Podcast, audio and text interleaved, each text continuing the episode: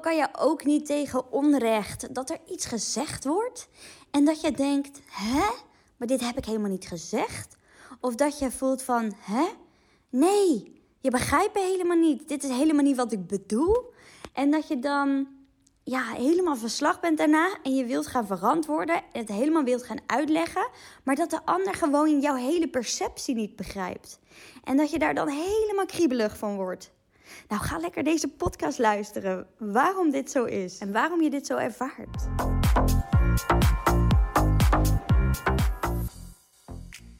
Ik had een eh, podcast opgenomen over frustratie, irritatie, kort lontje. Hè, dat, wat eigenlijk allemaal valt onder boosheid.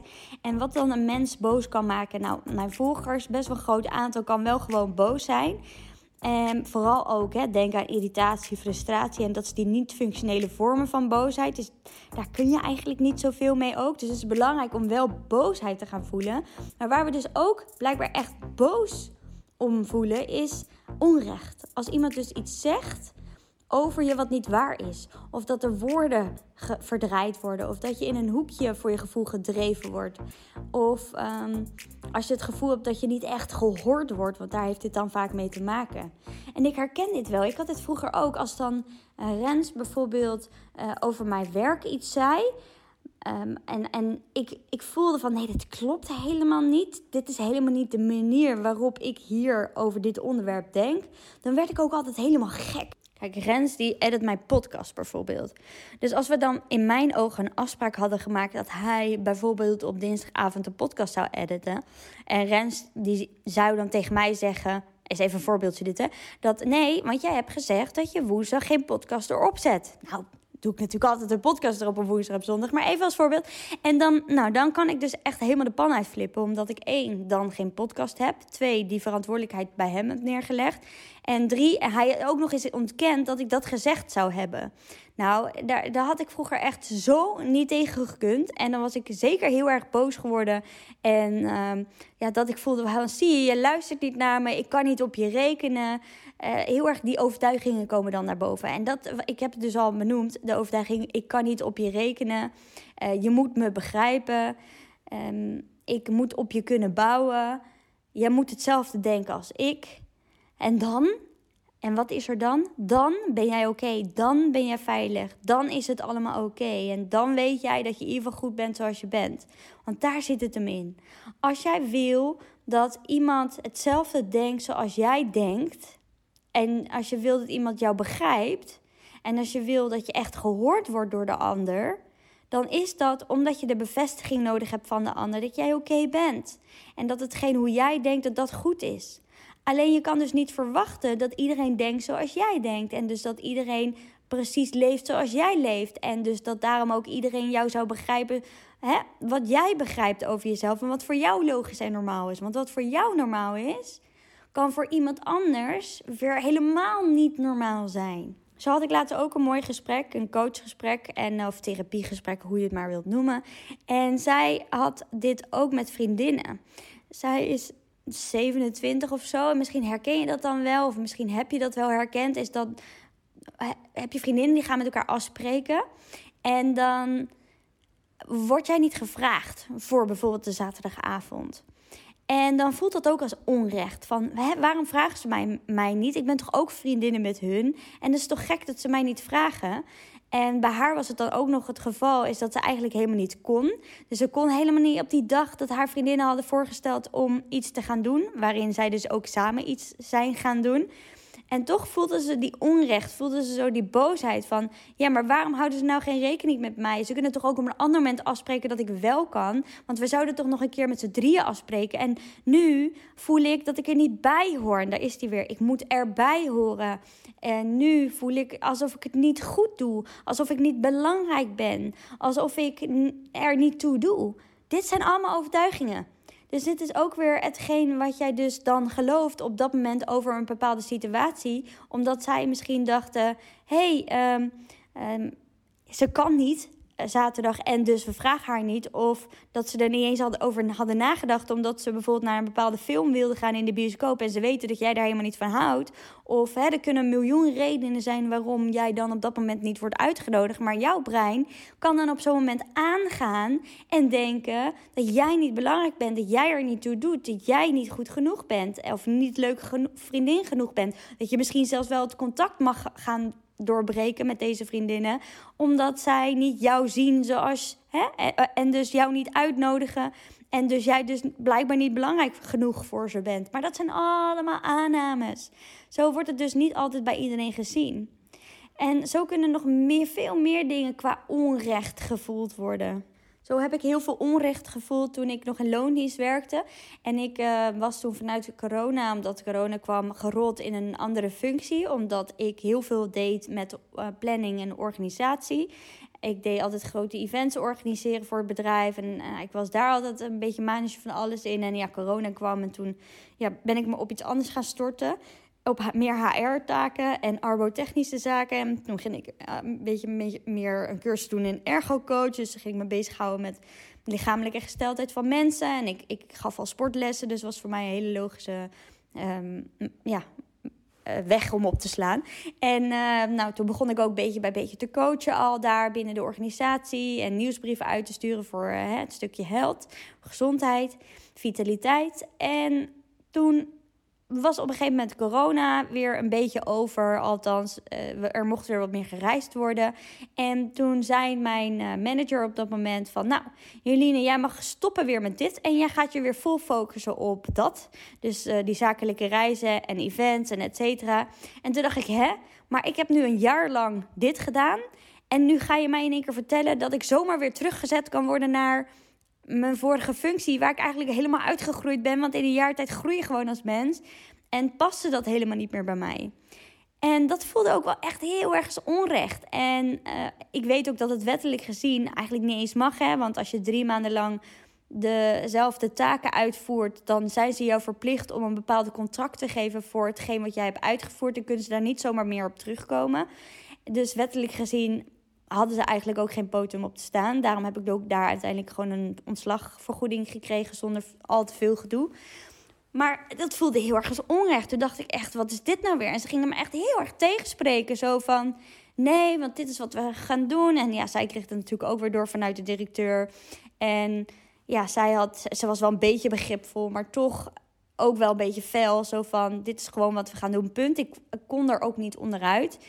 Dus dat voelde voor mij ook als echt onrecht. Maar nu als ik achteraf terugkijk, dan denk ik, ja, dit was precies hetgeen wat nodig was om voor mij ook die volgende stap te gaan maken. Want anders was ik binnen dat bedrijf gebleven. Dan had ik niet een ontslagvergoeding gehad. Dan was ik niet al, al eerder lean forward hè, uh, gestart fulltime. Want uh, tussen aanstek fulltime, want ik werk nooit helemaal fulltime. Maar toen werkte ik gewoon nog drie dagen. Nu iets meer, omdat de kinderen nu naar school gaan. Maar dat, je, dat ik toen voelde van, ja, dit is blijkbaar wel het moment om loondienst te gaan loslaten en echt helemaal voor mezelf te gaan beginnen. En ik kreeg ook die kans daardoor, door die ontslagvergoeding. En, hè, uh, en dat ik al natuurlijk al wat klanten had waarmee ik dus kon rondkomen. Wat super fantastisch was, na, hè, dat ik dat nog maar vier maanden, vijf maanden deed. En dus had dus zo moeten zijn. Dus soms lijkt het alsof iets onrecht is, maar moet iets ook gewoon zo zijn en brengt dat je naar de volgende stap. Dus als bijvoorbeeld bij jou op werk je ontslagen wordt of uh, er is er een reïntegratie gebeuren omdat het niet zo goed gaat met het bedrijf en jouw functie wordt uitgewist, dan lijkt dat soms als onrecht zo van dit wordt mij aangedaan, kijk wat jullie doen, wat nu daardoor heb ik geen baan en poor me.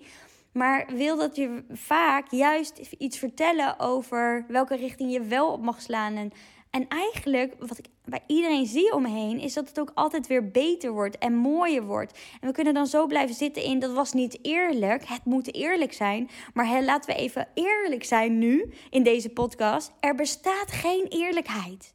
Want vind jij het eerlijk dat jij hier in Nederland bent geboren en dat er mensen geboren worden in Afrika die uh, in een hutje leven, geen eten hebben, een beetje rijst moeten eten en uh, eh, 20 kilometer moeten lopen om een beetje water te drinken? Is dat eerlijk?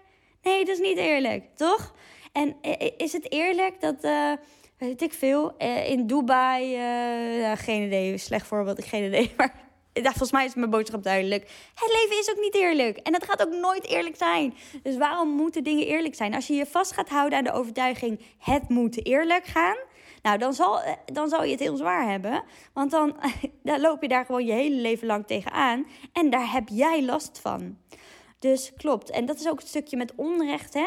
En dat vind ik daarom ook lastig bij onrecht. Van wanneer is het, on, uh, is het onrechtvaardig? Is, is er onrecht? Want ja, vaak heeft dat ook te maken met dan is het niet eerlijk. Of het moet anders. Of het moet op mijn manier. Maar is dat altijd de beste manier? En is dat altijd de beste manier voor iedereen? Nee, dus dat ook niet. Dus het is heel erg het is mooi, dit stukje onrecht. In ja, wanneer wanneer is het echt onrecht? Ik geloof daarom niet echt in onrecht. En je hebt vaak alleen maar jezelf ermee door zoveel aversie te hebben tegen onrecht. Want hè, wat ik al zei, niet, niet iedereen denkt zoals jij denkt. En wat jouw waarheid is, is niet iedereen zijn waarheid.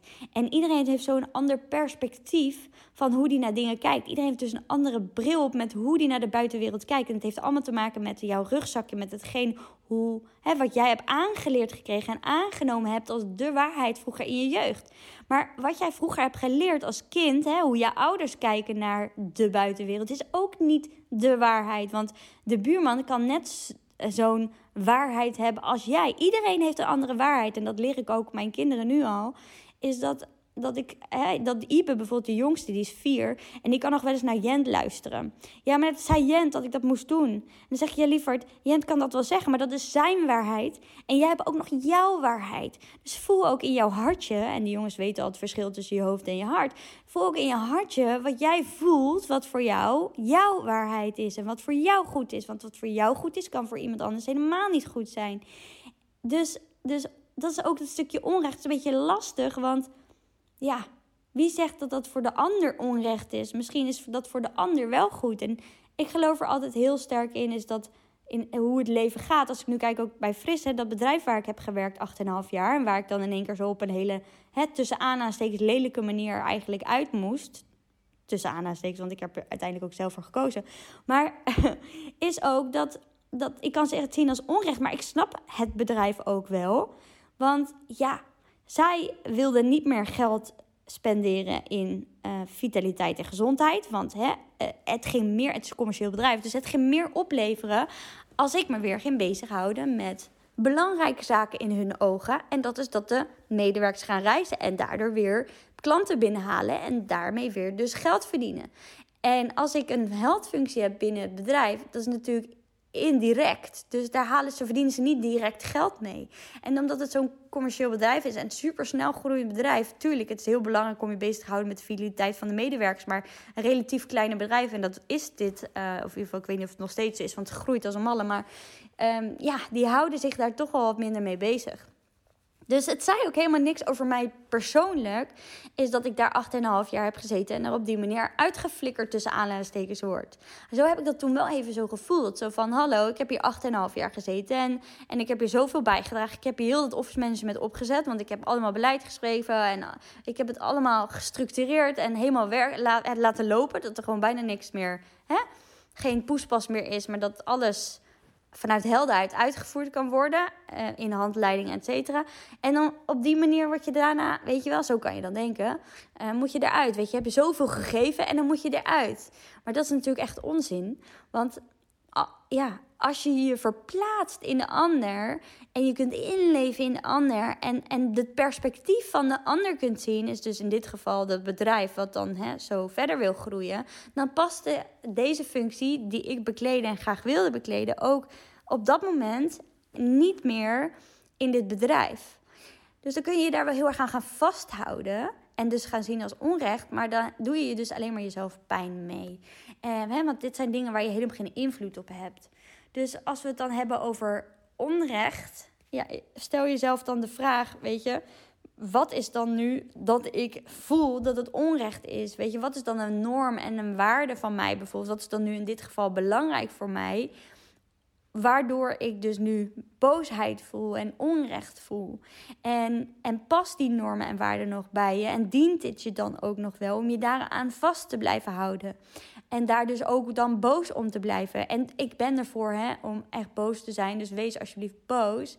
Maar probeer ook altijd een ander perspectief te zien van de situatie. Dus bekijk niet alleen maar jou, door jouw bril. Maar bekijk het ook eens vanuit de bril van de ander, weet je, uit de ogen van de ander. Om meer begrip te creëren. Want hè, als jij wil dat de ander jou begrijpt, mag jij ook gaan uh, de andersom gaan doen. Hè? Dus ja, ja, de ander gaat jou niet begrijpen op het moment dat je ook niet bereid bent om de ander te begrijpen. Hè? Begrip komt van twee kanten. Dus perceptie, perceptie, perceptie. Want daar draait het allemaal om in, op deze aardbol. Het is maar net op welke manier je waar naar kijkt. En je hebt zoveel kleuren, brillen die je kunt opzetten om naar bepaalde situaties te kijken. En dan denk je, oh, oh ja, nu snap ik het. Weet je, maar vaak als we ergens middenin zitten, net zoals dat, dat ik bij dat bedrijf, weet je wel, waar ik 8,5 jaar zat, niet meer wilde werken. Dat wilde ik ook niet meer, maar ook omdat het een beetje in die situatie werd geduwd voor mijn gevoel dat ik dan later pas, hè, als je er middenin zit, dat wil ik delen. Als je er middenin zit, denk je, wat de F doen ze?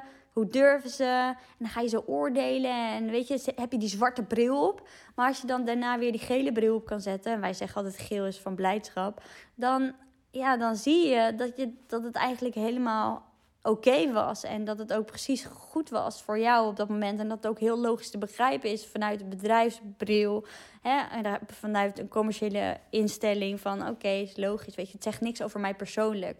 En dat is het. Hè, er zit altijd een kernovertuiging onder dit stuk. En dat is: oh, ik ben niet goed genoeg. Ik heb het niet goed gedaan. Ze begrijpen niet, dus ik doe het niet goed. Dat zit er heel diep onder. En dat zijn daarom ook de overtuigingen die ik altijd aankijk met iedereen zijn de overtuiging: ik doe er niet toe, ik mag er niet zijn, ik ben het niet waard, ik, doe niet, ik ben niet goed genoeg, ik ben niet belangrijk. Er zitten zijn zoveel overtuigingen die ons storen in ons leven, waardoor we dus niet vrij kunnen leven en niet, uh, in ieder geval niet vrij van onrust en vrij van onzekerheid en uh, vrij van belemmeringen die op ons pad komen in ons leven en vrij van lichamelijke klachten, et cetera. Want ja, al deze gevoelens die we opslaan en waar we niks mee doen, die uh, zetten zich allemaal vast als stressen in jouw lichaam.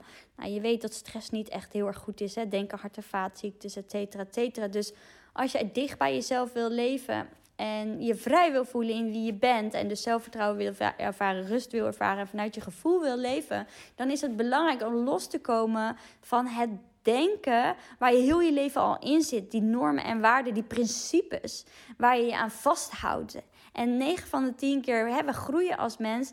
Er zijn bepaalde principes waar jij je nog aan vasthoudt, zoals ik moet op tijd komen. Dat is echt zo'n hele belangrijke. Waardoor je dus heel de dag stress hebt om overal op tijd te komen in elke meeting. En helemaal, uh, weet je, wat eigenlijk helemaal niet meer gezond is voor en goed is voor jou. Omdat je op elke minuut kijkt en, en ervoor moet zorgen dat hè, je op tijd moet komen. Of dat je aan alle verjaardagen moet denken. Of dat je iedereen attent moet zijn en een kaartje moet sturen. En dat je, weet je wel, altijd bezig moet zijn met anderen. Want anders dan word je niet gezien. En of hè, ben je het niet waard. Want daar zit het altijd, heeft het mee te maken.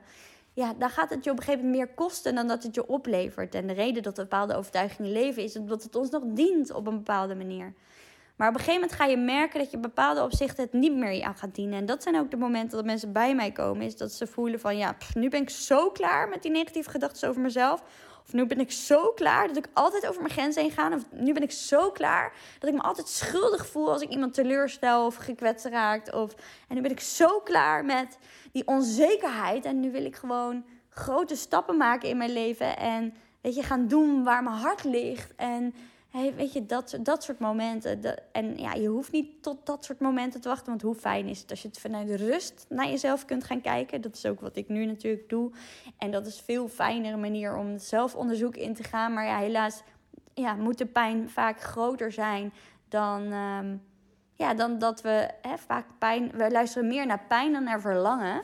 Dus, um, dus op het moment dat jij nu voelt van, nou, weet je, ik word eigenlijk ook al gek van die gedachten en de onzekerheid. En oh, ik voel ook dat die strijd met, ik moet belangrijk zijn, het moet eerlijk zijn. Waardoor je eigenlijk zelf je gewoon KUT voelt en niet lekker in je vel zit en onzeker wordt. En daardoor je gaat terugtrekken, bijvoorbeeld in je relatie of op je werk of met vriendinnen. En niet helemaal jezelf kunt zijn. En dat je ook voelt dat je daarmee jezelf verliest. Nou, ga er dan wat mee doen.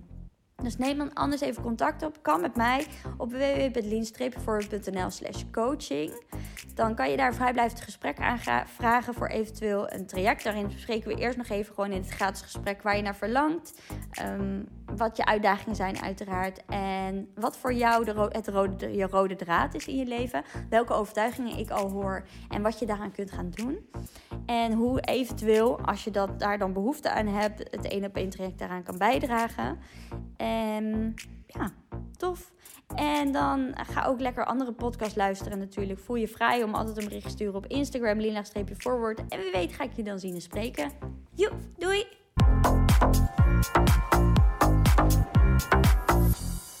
Leuk dat je geluisterd hebt naar deze Lean Forward podcast. Mocht je voelen, ja, yeah, te gekke podcast, hier heb ik echt wat aan. Dit inspireert me.